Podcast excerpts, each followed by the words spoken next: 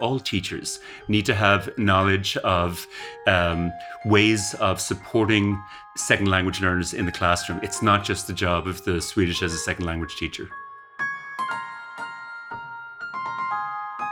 Välkommen till Natur och kulturs podcast Akademiska kvarten. I den här podden ger vi dig en akademisk kvart med tongivande personer som har något viktigt att säga om svensk utbildning.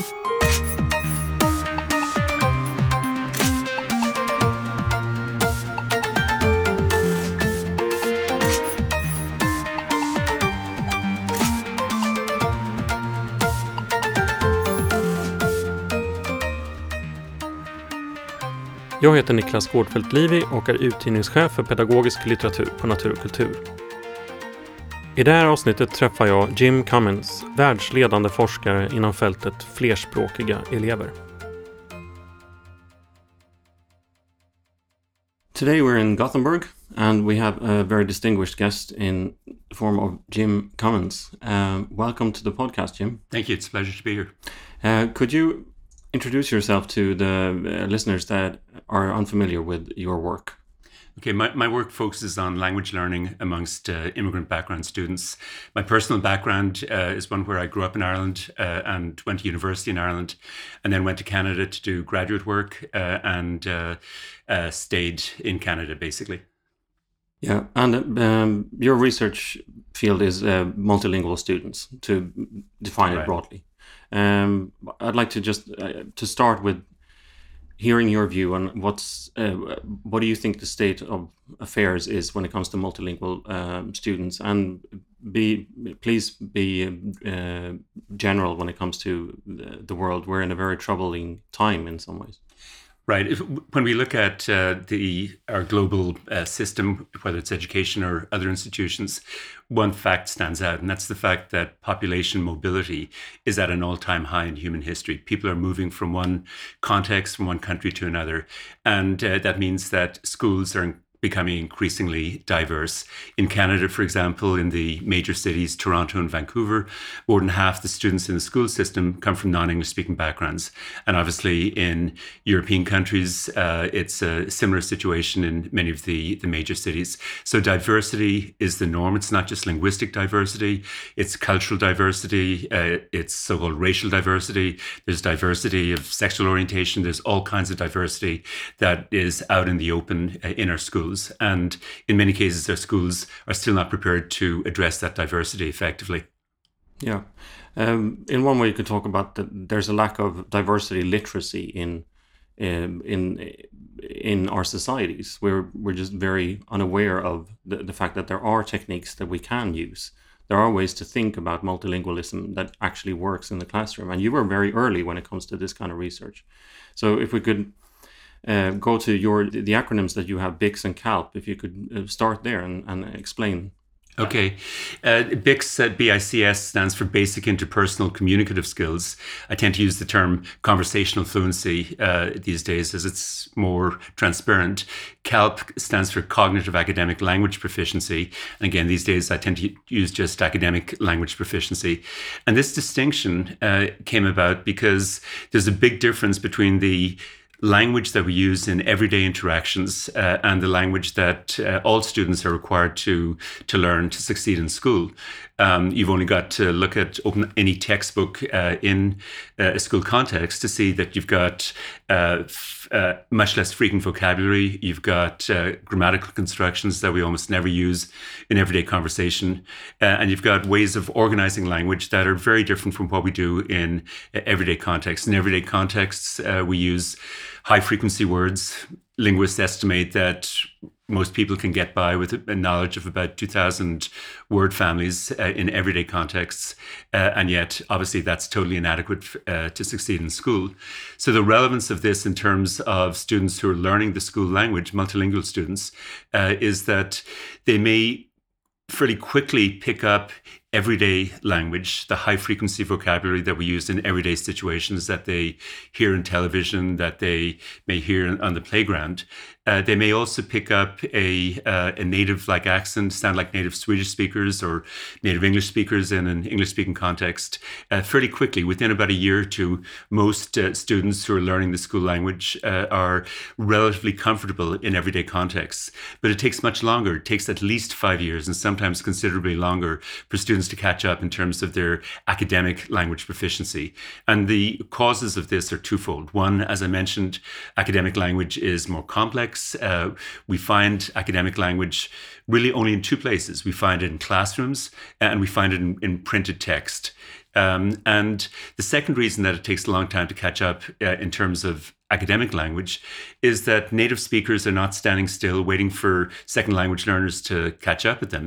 Every year, native speakers are expanding their vocabulary knowledge, they're expanding their reading skills, they're expanding their uh, their writing skills. And so the challenge for uh, a child from an immigrant background is that they have to run faster. They have to catch up to uh, native speakers who every year are advancing their knowledge of academic language. So they have to actually they're trying to aim for a moving target. Absolutely, they're trying to catch up with a with a moving target. And if teachers don't realize this, um, uh, they can. Um, create contexts that are even more challenging uh, for students. Uh, for example, there's an attitude in a lot of schools in around the world that um, uh, when a student has learned how to speak the language, when they're reasonably comfortable in everyday context, well, they've learned the language. And teachers may not realize that it's likely to be several additional years before students have filled in all the gaps and have actually caught up to native speakers. So even after two or three years, uh, students will still need support from teachers to understand instruction, to, uh, to expand their knowledge of academic language. And so what this means is that all teachers need to have knowledge of um, ways of supporting second language learners in the classroom. It's not just the job of the Swedish as a second language teacher. Yeah, and one one of the ways that you can help second language learners uh, is translanguaging. Uh, could you briefly explain the the concept of translanguaging and how this is a useful way of uh, teaching and thinking? Okay, T- translanguaging is a term that's uh, come into the the lexicon relatively recently. Uh, it originated in, in the Welsh context, uh, where uh, in the uh, context of Welsh English bilingual programs, um, they, where there were relatively few materials uh, in Welsh, often uh, teachers who, who were teaching uh, in Welsh would use English language textbooks, and students might do their research uh, in English, um, and then come back and and present their work, write up their work, or talk about their work to the teacher in Welsh. So it it uh, uh, points to a crossing of languages or mixing of languages. Um, and that term was um, uh, originated probably about 20 years ago in the Welsh context. More recently, um, a professor in New York uh, by the name of Ofelia Garcia uh, has popularized uh, the term and expanded its meaning to talk about the normal linguistic practices of multilingual people, where uh, depending on the context, depending on who uh, we're talking to, we uh, can switch between one language uh, to another, sometimes mid sentence. And that used to be stigmatized and thought, well, you shouldn't do that. We, we we realize now that that's just a, a, very natural way of interacting. And so the term translanguaging, uh, on the one hand, refers to the uh, normal patterns of uh, linguistic um, switching um, uh, that multilinguals engage in when they're talking uh, to, to friends or talking in a, in a social context. But it also refers to instructional practices uh, where when we're teaching students who are bilingual or multilingual, um, we no longer consider students' first language to be a problem. It's part of the solution. And we build second language skills on the foundation of what students know in their first language. And so uh, we, uh, in a with translanguaging pedagogy or translanguaging approaches to pedagogy, um, we see students' first language as a resource. We encourage students to develop that language. We encourage their parents uh, to help students develop literacy uh, in that language. And uh, we use it as a way uh, not only of supporting the learning of the school language, but also uh, as a way of encouraging students to uh, develop all of their linguistic abilities because the research is quite clear that languages help each other. There's transfer of knowledge across languages, and um, we can uh, gain much more effectiveness in our classrooms if we see students' first language as a resource. Uh, let me just give you one example of this. Let's, uh, and this comes from actual practice in Canadian and, and other contexts, where um, when an immigrant child or a newcomer child might uh, arrive in the classroom, let's suppose she's uh, in in Canadian context, grade seven, so a 13 year old. Um, one of the things that uh, an increasing number of teachers are doing is to encourage children to write in their first language. So, if the, let's suppose the child came from Pakistan, uh, we might uh, encourage a child to perhaps work with uh, in a group with uh, peers uh, and write in her first language so that she can write to the fullest of her ability, and then work with um, friends who might be more fluent in English or work with teachers who might be from the same language background or community volunteers, or even use a tool like Google Translate to come up with a rough draft of what she's written in English. And then we can work with uh, both the teacher and other students to refine that English version.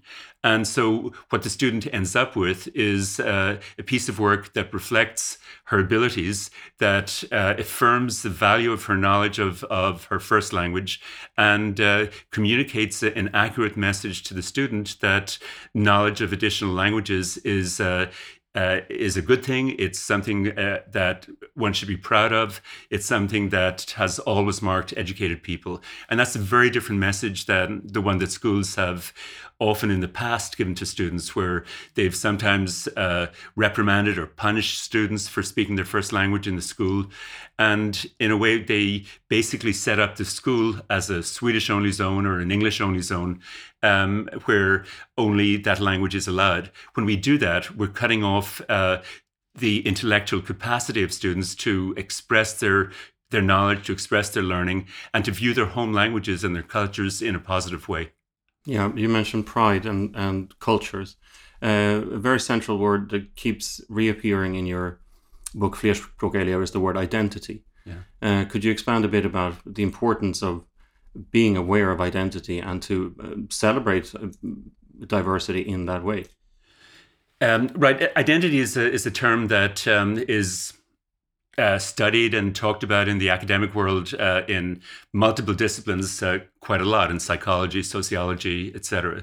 Uh, and it also enters into issues of politics and uh, uh, and um, debates about immigrant background students and, and diversity.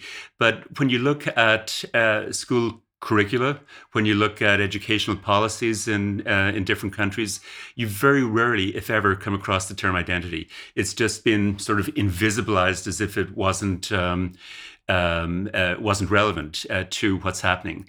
And yet, if we think even for a few minutes about our own experiences in school, we realize that there were some teachers that uh, we connected with, some teachers that we knew were interested in who we were, some teachers who encouraged us, who uh, saw talents that we may not have realized that we had and we worked much harder for those teachers and so we know uh, if we think about it for uh, even a fraction of a second that what's happening in school is not just a matter of teaching and learning in a narrow sense. It's not just a matter of the teacher transmitting the curriculum. The teacher is also in a process of negotiating identities with his or her students. Um, and so the messages that students get in terms of the teacher's expectations of them, uh, the teacher's attitudes towards their home language, uh, the teacher's interest in their cultures, the extent to which the teacher wants to get to know uh, uh the student and uh, encourages him or her, regardless of what background uh, the student is coming from. All of those uh, constitute messages uh, that uh, helps form the student's uh, identity, their growing identity. And our, our identities are not fixed, particularly, particularly as we uh, in our younger uh, years, students in school are developing their identities. They're learning to think about about who they are and who they, who they want to be. And so the messages that we give students in schools about who they can be uh, are crucial in terms of uh, students actually engaging uh, in in academic work and um, and basically trying to be the person that they could be. If they get the message from the teacher either inadvertently or or uh, by mistake on the teacher's part that they're not that bright, uh, that they're only the Swedish as a second language student, and that's who they are in the school. Um, we're defining students by what they lack, by their incompetence, rather than by their competence, and that's why uh, in the research literature, increasingly we talk not about Swedish as a second language students or English as a second language student or English language learners. Uh, we, we, talk about multilingual students to highlight the fact uh, that these are students who have intellectual accomplishments, uh, who have learned multiple languages as a result of their experiences. And in schools, we should be valuing uh, those languages. We may not be able to teach all of the languages in any kind of sustained way, but the messages we give to students about the value of their language, their culture, will have a huge impact on whether students see that as an important part of their identity and want to maintain uh, that identity. And the, the linguistic uh, landscape in schools is also going to be part of the linguistic landscape of any country.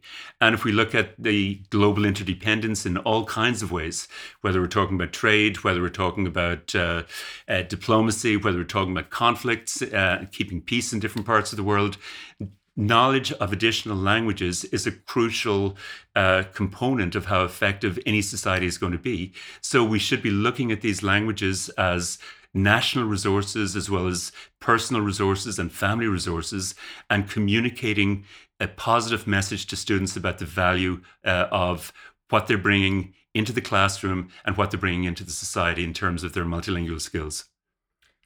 Uh, thank you, Jim. Um, so basically, your message, I mean, what we need to think about is the emancipatory uh, power of education uh, when it comes to not only uh, multilingual students, of course, but all students. Absolutely. It's uh, when we look at uh, what uh, education can achieve, it's, um, it's not just a matter of filling children's heads with information. We can get that information at the click of a, of a, a few key keystrokes on a computer. Um, what we need to be focusing on developing in our, in our schools are students who uh, will be able to make important contributions at multiple levels uh, in their societies. Uh, and so the the message of the identity messages that we communicate to students uh, in our schools uh, go far beyond just learning physics or learning mathematics or learning history. Um, that's that's important. But the subtext of what education is all about is developing citizens who will improve the world. And we certainly need citizens who can think critically about issues, uh, who uh, see their role as contributing in a in an intelligent, informed, and committed way to a, a democratic process, both nationally as well as internationally. So the uh, the task of education, as I said, is I think well summed up by something that uh, a long since past countryman of mine, William Butler Yeats, uh, a Nobel Prize winner for literature, once said. He said, Education is not just filling a bucket, it's lighting a fire. And if we can light that fire in students through our interactions with them in school, uh, then I think we're going to have powerful learning taking place. Professor Cummins, thank you very much for this conversation. It's been a pleasure. Thank you, Nicholas.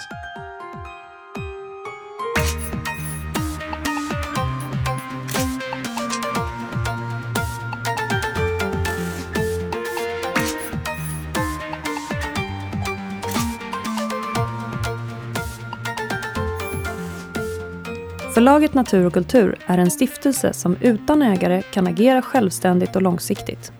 Vårt mål är att genom stöd, inspiration, utbildning och bildning verka för tolerans, humanism och demokrati.